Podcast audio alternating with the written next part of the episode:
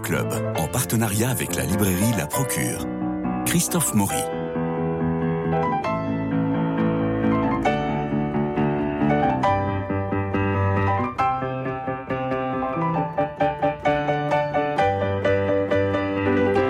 Raconter le décès du frère six mois après la mort de leur mère, puis la disparition de la tante Christiane, une seconde maman, voilà bien une sombre autobiographie qui, n'étant pas mon histoire, me paraîtrait totalement étrangère si elle pas écrite par Jérôme Garcin. Homme de lettres, c'est-à-dire auteur de livres, d'articles, de dossiers, il dirige le service culturel du Nouvel Observateur, produit et anime l'émission Le Masque et la Plume sur France Inter depuis 1989, 34 ans, imaginez-vous. Il est aussi membre du comité de lecture de la Comédie Française, infatigable cavalier dans le bocage normand. C'est un peu comme ça que je vous imagine le week-end, Jérôme Garcin. Bonjour. Bonjour. Votre livre Mes Fragiles ne se lit pas, comme tous les livres courts, il se déguste. Les sujets que vous traitez, euh, Jérôme Garcin, dans ce livre, Mes fragiles, ont déjà été écrits. J'en retire trois. La mort d'Olivier, votre frère jumeau, dans Olivier, c'était en 2012 chez Gallimard. La mort de votre père, La chute de cheval en 98, qui a obtenu le prix Roger Nimier, que dirigeait le regretté Philippe Tesson, votre maître, j'allais dire notre maître à tous. Et puis Le syndrome de Garcin en 2018, cet ADN menaçant qui touche même l'amour de votre vie, votre petite fille. Vous écrivez, après tout, euh, nous avions notre compte de malheur, il fallait maintenant travailler le bonheur du corps, fut-il en capilotade. Alors j'ai l'impression que ces trois livres sont comme les couplets dont Mes Fragiles seraient le refrain. Oui, enfin, c'est un refrain avec quand même des informations inédites. Évidemment. Dans Les Fragiles, dans Mes Fragiles, évidemment, je reviens sur le passé euh, qui n'a pas toujours été joyeux. Même si je m'efforce quand même dans ce livre, contrairement à ce que vous avez dit, de faire en sorte que ce ne soit pas euh, une lamentation. Non, il n'y a pas de pathos, mais au contraire une construction. Oui, et puis euh, j'essaye de montrer que mes fragiles, enfin en tout cas ma mère et mon frère, étaient radieux, hum, grâce à plein de choses, à commencer par euh, une foi débordante, mais aussi grâce à l'art. Ils étaient, ils étaient joyeux. Donc, euh, ce que je voulais simplement ajouter, c'est que cette information nouvelle, évidemment, c'est le X fragile qui explique le, titre du mhm. livre. Cette maladie héréditaire, qui est une anomalie génétique du chromosome X, euh, dont j'ai hérité, que j'ai transmis à ma petite fille, à ma fille et à ma petite fille, effectivement, dont vous, dont vous parliez. Euh, ça, c'est l'information un peu inédite du, du, livre. Pour le reste, pour le reste, évidemment, je continue de, comment dire, de remplir ma, ma maison euh, de papier avec tous ceux que j'ai aimés dont je considère qu'ils sont toujours avec moi. Alors nous allons y venir. c'est un peu comme le, le requiem de, de forêt, vous savez, qui commence par euh, les altos, les violoncelles, une espèce de nom. De, stop. Vous écrivez Le refus est net, la colère est là. L'orgue gronda et son cercueil entra. Je m'écroulais. C'était trop, trop vite, trop tôt, trop peu préparé à ce nouvel assaut de souffrance et de regret. Trop de colère contre le destin, trop de mort, trop de prières et de miséricorde, trop de Toussaint au beau jour, trop de ne plus jamais. Et on sent ce nom de forêt. Vous savez, quand vous avez déjà perdu un jumeau à moins de 6 ans, euh, qui a été renversé sous mes yeux par une voiture. De façon spectaculaire. Euh, quand vous perdez 10 ans après votre père, j'avais 17 ans, il en avait 45, d'une chute de cheval, équitation qu'il pratiquait uniquement pour essayer de se soulager après la mort de mon jumeau d'Olivier. Euh, et que là, votre mère et votre frère cadet, Laurent, disparaissent à six mois d'intervalle, il y a quelque chose évidemment qui est, euh, oui, qui est ce nom. Euh, trop, c'est trop, et c'était le sentiment que j'avais tout d'un coup dans cette église Saint-Séverin, euh, avec ce même protocole, ce même rituel qui nous emmenait dans ce même cimetière de Seine-et-Marne, à Bray-sur-Seine. oui, il y avait, il y avait trop, c'est trop. Ce, Alors il y a un côté Job. il y a un côté Job de dire bon ben je, je suis, euh, je suis accablé, je perds euh, tout, et puis, mais je garde une profonde confiance en Dieu. Mais là, vous avez votre, votre acte de foi que je, que je cite. Je ne crois pas en Dieu Tout-Puissant, au grand ordonnateur, au grand régulateur, dont seul me rapprochent encore certains jours les lointains rituels de mon enfance, qui sentent l'encens, le pain béni et la pierre froide, et aussi la sonate dominicale des cloches dans la campagne augeronne, hérissée de calvaire, et surtout la lecture épisodique troublée, capiteuse des textes d'Augustin d'Hippone et de François d'Assise. Mais plus le temps passe, et plus je crois à la présence des morts. Ils sont là. Oui, c'est peut-être la, part la plus spirituelle de, de, mon, de mon livre, c'est que j'ai la conviction absolue, et sans doute parce que j'ai connu des drames très tôt, euh, que ces morts sont avec moi non seulement, mais que pourvu que on sache les écouter, qu'on sache dialoguer avec eux, qu'on sache qu'on ait la conviction euh, qu'ils sont là, euh, qu'ils vous épaulent, qu'ils vous aident. Et c'est pas une et c'est pas une présence mortifère? Ah bah pas du tout. Euh, ce, ce, jumeau de, de 6 ans, mon double, oui. mon double, disparu au moment où, vous savez, il est convenu en pédopsychiatrie de commencer à séparer les jumeaux, mmh. c'est-à-dire à 6 ans, ce double, il est avec moi tous les jours. Euh, si je travaille souvent autant, c'est parce que je travaille pour deux. Ce père, qui était éditeur, il était le, le, le patron des presses universitaires de France, critique littéraire très rigoureux de textes classiques, euh, avec des études magnifiques dans la NRF et ailleurs, ce père est euh, avec moi tous les jours, d'ailleurs souvent pour, euh, je dirais presque, surveiller ce que je fais et, que je ne dérape pas. Euh, ma mère et mon frère disparus il y a euh, deux ans sont là avec moi, non seulement spirituellement, sans doute parce que leur foi, encore une fois, était débordante, à l'un comme à l'autre, euh, mais aussi parce qu'ils ont été l'un et l'autre peintres, et que je vis dans ces tableaux, qui sont d'ailleurs des tableaux Justement, votre qui mère, expriment la joie de vivre. votre mère euh, est peintre et vous écrivez, elle peint en souriant, elle peint comme elle respire, elle peint pour habiter les jardins à la française, si Gérald Ducien qu'elle compose. Et de son côté, Laurent était un peintre débordant. Alors, quelle, quelle est cette peinture? Alors, la peinture de ma mère, c'est une peinture euh, figurative, Ouais. un peu impressionniste, que je situerais pour aller vite dans ces tableaux magnifiques de paysages, de, de quais de Seine ou de Seine-et-Marne, euh, qui me font penser beaucoup à du un, un mélange de Vuillard et de Bonnard. Pour vous donner une idée. Euh, et mon Avec frère, beaucoup de jaune et de lumière. et mon frère qui lui était donc très lourdement handicapé, dont la peinture était la seule expression. Euh, vous n'auriez pas pu dialoguer avec lui, comprendre ce qu'il disait. Il était vraiment frappé très lourdement par le X fragile. Mon, frère, lui, peignait des tableaux qui étaient magnifiquement abstraits, incroyablement colorés, joyeux. Euh, euh, et ce garçon taciturne, euh, empêché, se libérait avec, avec les tableaux. Ma mère et lui, d'ailleurs, lui, peignait souvent à côté. Je les voyais notamment dans l'île de Noirmoutier, chacun avec son chevalet.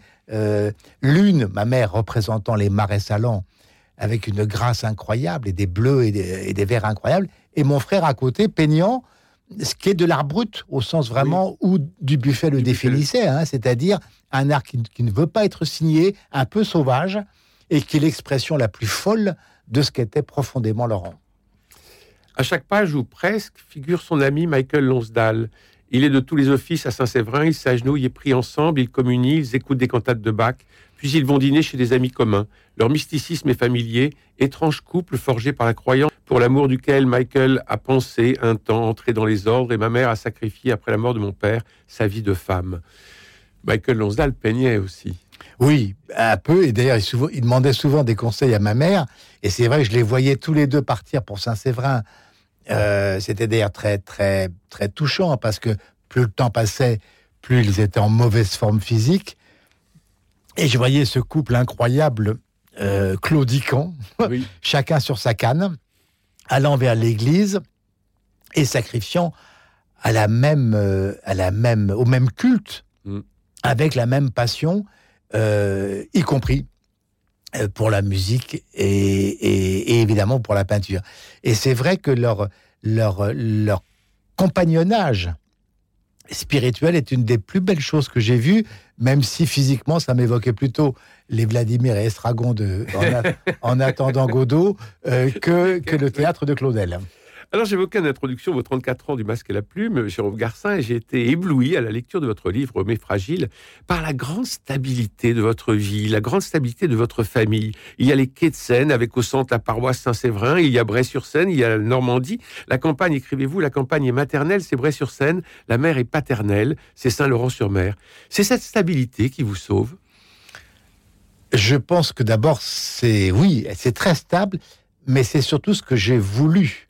Euh, c'est-à-dire que, vous savez, euh, c'est votre caractère d'être, euh, je dirais pas casanier, mais euh, vous, vous, ne vous installez pas dans tous les pays du monde. Non, vous Non. avez ces, ces deux pôles. Vous avez la campagne, vous avez. euh, j'aime, j'aime passionnément ce qu'ils n'appellent pas la passion, c'est-à-dire la campagne française. oui, Euh, sans doute pour des raisons personnelles, peut-être évidemment parce que j'ai grandi de manière très équilibrée entre cette Seine-et-Marne et cette et ce Bessin, cette Normandie euh, de euh, des euh, de d'Omaha Beach. Euh, mais c'est surtout parce que je crois, que- enfin, c'est l'explication que je que je peux donner à mon histoire, c'est que quand vous êtes très tôt frappé la par des drames accidentels, Oui. vous essayez de construire quelque chose qui soit stable. Euh, euh, un jour, j'ai rencontré euh, celle qui allait devenir ma femme, qui était Anne-Marie Philippe, la fille de, de Gérard Philippe, euh, la fille de et d'Anne Philippe. Euh, et je crois pas que j'ai rencontré par hasard la fille d'un comédien qui est mort à 36 ans. Je dis bien à 36 ans. Je pense qu'on a tous les deux assemblé nos, nos drames, nos- je dirais presque tous les deux orphelins de père si tôt, euh, euh, et que nous avons voulu qu'il y ait quelque chose de stable. On en a eu trois enfants, on a aujourd'hui quatre petits-enfants, et c'est vrai que c'est euh, très beau. ça, ça me, comment dire, c'est pas un mot forcément que j'aime, mais ça me rassure. J'ai besoin de ça. J'ai besoin de garde-fous aussi. Euh, euh, euh, euh, le travail appliqué, je suis quelqu'un de, de- de très consciencieux.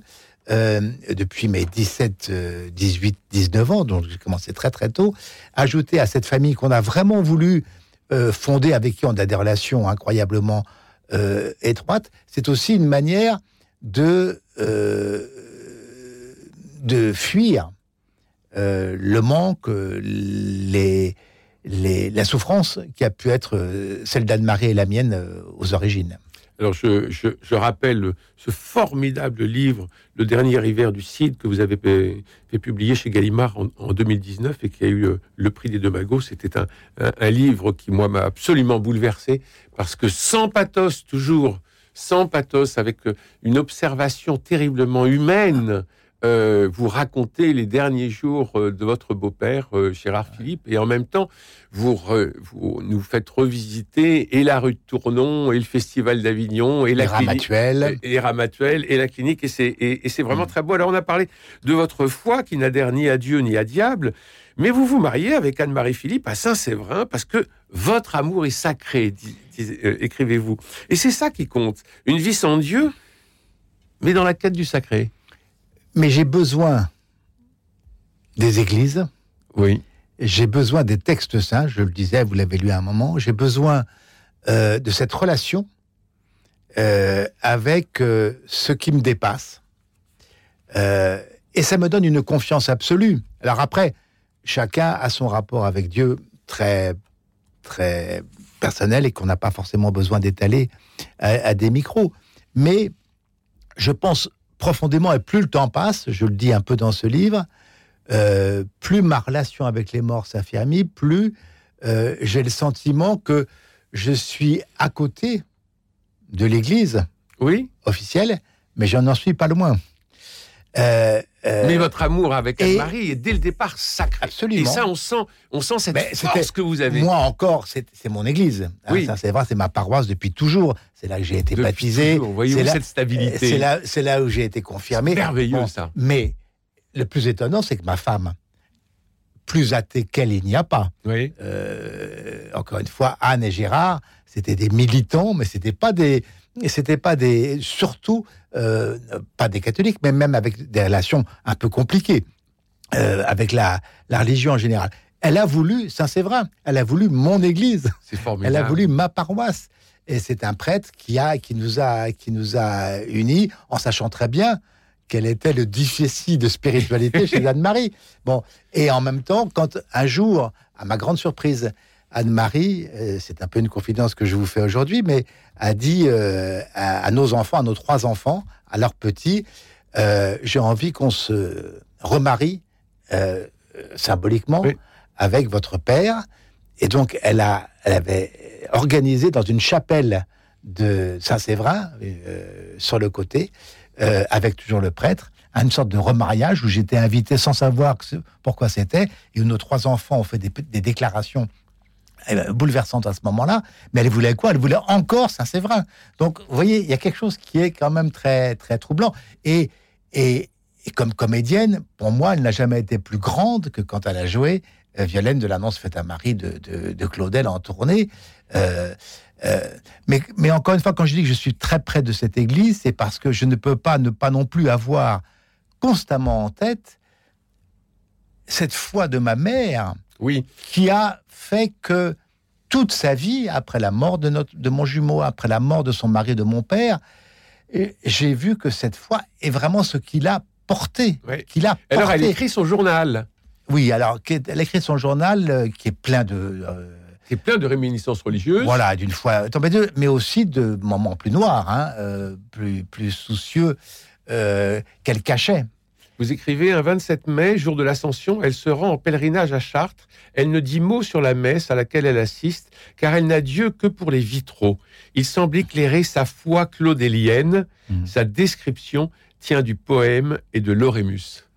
Oui, mais c'était, je pense qu'il d'abord il y avait l'artiste aussi qui, qui, parlait, mais c'est un journal qui est très étrange parce qu'il a, il a duré très peu de temps et tout d'un coup j'ai vu un peu la face un peu plus sombre de ma mère qu'elle ne montrait jamais, parce que c'est ça aussi.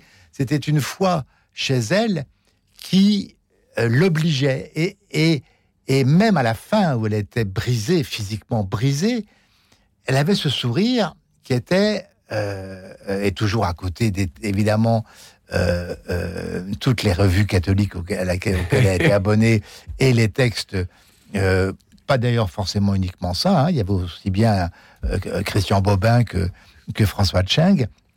Euh, mais elle était, elle avait ce sourire de la foi. Et je dois avouer que le jour où on l'a, euh, on lui a dit adieu, donc à Saint-Séverin, pour les obsèques, quand j'ai vu mon frère Laurent, encore une fois, X fragile, lourd, revêtir son aube, puisqu'il servait la messe tous les dimanches à Saint-Séverin, pour servir la messe euh, des obsèques de notre mère, il y avait quelque chose qui était pour moi euh, euh, d'abord légitime, mais en plus bouleversant.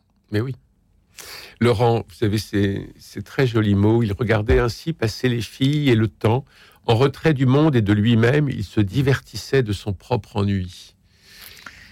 Il était impénétrable, hein. il était mystérieusement impénétrable, euh, euh, très, très, encore une fois, empêché, très handicapé, et en même temps, euh, peignant ces, tableaux incroyables, ces tableaux sans cadre, ces tableaux sans signature, ces tableaux libres, et en même temps, il notait dans ses carnets des phrases incompréhensibles, évidemment. et moi, j'ai la conviction, voyez que je suis vraiment pas très loin de cette église, hein, mais que ma mère, si elle a tardé à mourir à Jeanne Garnier, puisqu'il y a eu trois jours où son corps était vraiment mort, et, où les infirmières disaient, mais Madame Garcin, partez maintenant, allez-y. Elle refusait. Maman ne voulait pas partir. Et je suis convaincu qu'elle attendait, Laurent, que je ne voulais pas amener à son chevet, parce que je voulais pas lui montrer. Il était trop fragile au sens propre pour lui montrer ce spectacle terrible. Euh, mais elle l'a attendu. N'est pas, je ne l'ai pas fait venir, à tort ou à raison. Et quand il est mort six mois plus tard à, Georges Pompidou, du Covid et, aussi du X fragile, qui était vraiment un, facteur de comorbidité supplémentaire, euh, euh, j'ai eu vraiment, le jour de sa mort, six mois après, le jour de la mort de Laurent, l'absolue conviction que ma mère, qui l'attendait à Jeanne Garnier, enfin l'appelait, et qu'il a l'air la, retrouver. Oui. Euh, c'est une. Alors. Alors après, vous dites ce que vous voulez de, de l'état de, de ma relation avec l'au-delà, mais ça, c'est une conviction, mais à la fois mentale et physique oui. absolue. Oui, alors dans votre livre, il y a euh, un, un, poison euh, qui traverse comme ça, qui est celui de la culpabilité. Et euh, vous le dites avec énormément de pudeur. où on sent que ça, vous échappe. Mais enfin, Olivier est écrasé par une voiture parce que vous sortez trop tôt par l'autre porte. ensuite, Laurent, ben, euh, votre mère meurt euh, euh, à Jeanne Garnier, comme vous venez de, l'évoquer, et vous n'en parlez pas à Laurent. donc elle, elle est, elle reste sur son lit de, souffrance, et lui pendant ce temps-là. Bon, et ensuite il meurt six mois mmh. après, mmh. et on sent que vous portez tout ça et que le trop c'est trop, mais trop c'est trop parce que vous, ça vous échappe et en même temps vous vouliez contrôler le truc. Vous avez tout à fait raison, et j'ai mis un temps fou à le comprendre je vis, et là encore, peut-être est-ce une raison de cette stabilité que je cherche oui. euh, obstinément depuis mon plus jeune âge, je vis avec un sentiment de culpabilité absolument irraisonné. Euh, euh, quand Olivier a quitté cette voiture, euh, euh, il était seul responsable de ce coup de folie de traverser la route. Mais malgré tout, c'est lui qui est sorti. Et vous savez, un double qui survit à son double est forcément coupable. Mm. Il, ne comprend pas pourquoi lui il vit et pas, et pas, et pas, son, et pas son jumeau. Euh, quand euh, vous évoquez évidemment cette situation de les derniers jours de ma mère et ensuite de mon frère, mais il y a surtout cette culpabilité là encore où, je ne suis pour rien, mais qui m'obsède jour et nuit, c'est que ce X fragile, qui est cette encore une fois euh, cette, euh, cette maladie héréditaire, je l'ai transmise non pas à mes fils, puisqu'ils ont mon Y et pas mon mmh, X, mmh. mais à ma fille, qui elle-même l'a transmis à, euh, à sa fille. Et, qui est une et là aussi, et là aussi, on sent la culpabilité. Et là, je, je, je, quand je vois ma petite fille qui est radieuse, merveilleuse, je lui dis mais, mais qu'est-ce que j'ai encore fait? Donc, alors que je ne suis pas coupable, je suis responsable, oui, parce que j'ai transmis ce que ma mère m'a transmis. Euh, mais c'est vrai que ça, donne chez moi un sentiment. D'abord, c'est pas toujours facile à vivre, allez, disons-le, mais en même temps, euh, euh, ça me donne chez moi une notion, mais incroyable, de, de la faute, du bien et du mal, qui est totalement irraisonné et que et qu'il est très difficile de calmer. Et en même temps, c'est là votre, votre force, Jérôme Garcin, dans tous vos livres, dans vos émissions, et moi je vous suis quand même depuis euh, quelques, quelques décennies, il y a une, une, joie de vivre, une envie de vivre, une gourmandise de vivre. Quand, lorsque vous êtes arrivé tout à l'heure, nous avons parlé de nos week-ends en Normandie, puisque nous, nous revenir de Normandie où il a fait beau, enfin c'était c'était normand, c'était c'était mars, c'était merveilleux, et, et vous m'en parliez avec gourmandise. Vous aimez cette vie j'aime, j'aime, j'aime cette vie. Je, crois que je, l'aime, je l'aime follement. Euh, d'abord parce que euh, j'ai cette famille qui est quelque chose de mais, d'inouï, qui est un, qui est un, sans laquelle, pour le coup, je ne serais peut-être pas heureux de vivre. Euh, et puis, il y a cette présence des morts autour de nous. on a beaucoup parlé de ma mère, de, de mon père. Mais parlons de, de Christiane. Mais, mais, mais même, même Gérard. on a L'année dernière, c'était le centenaire de la, de la euh, naissance de Gérard Philippe. Euh, on, a, on a pèleriné avec Anne-Marie tout au long de l'année, de festival en festival, pour parler de la présence.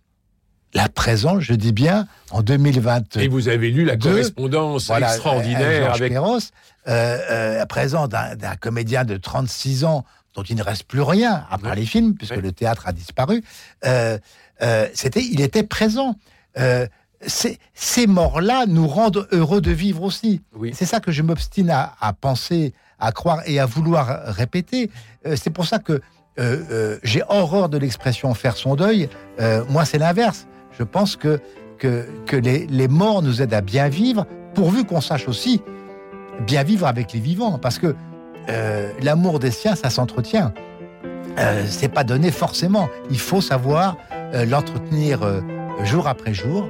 Et évidemment, dans ces paysages, encore une fois, d'une campagne française qui vaut bien à mon avis, les destinations les plus exotiques. Merci Jérôme Garcin, vous n'en êtes pas encore au soir de la vie. Avec Mes Fragiles, vous donnez l'impression d'un devoir accompli, comme si vous étiez allé seul, terriblement seul au bout de quelque chose. Mais maintenant, tout s'ouvre. Merci infiniment d'être venu nous voir pour ce livre Mes Fragiles, publié chez Gallimard. Il me reste à remercier Jean-Paul Lérine pour la réalisation, Philippe Malpeuch pour le générique, François Dieudonné pour l'organisation des studios, Louis-Marie Picard pour la retransmission sur les réseaux sociaux. Demain, nous retrouverons nos chroniqueurs cinéma pour une sélection de trois films à voir en ce moment. Et euh, bah, d'ici là, bah, je vous souhaite une très bonne journée, puis je vous embrasse.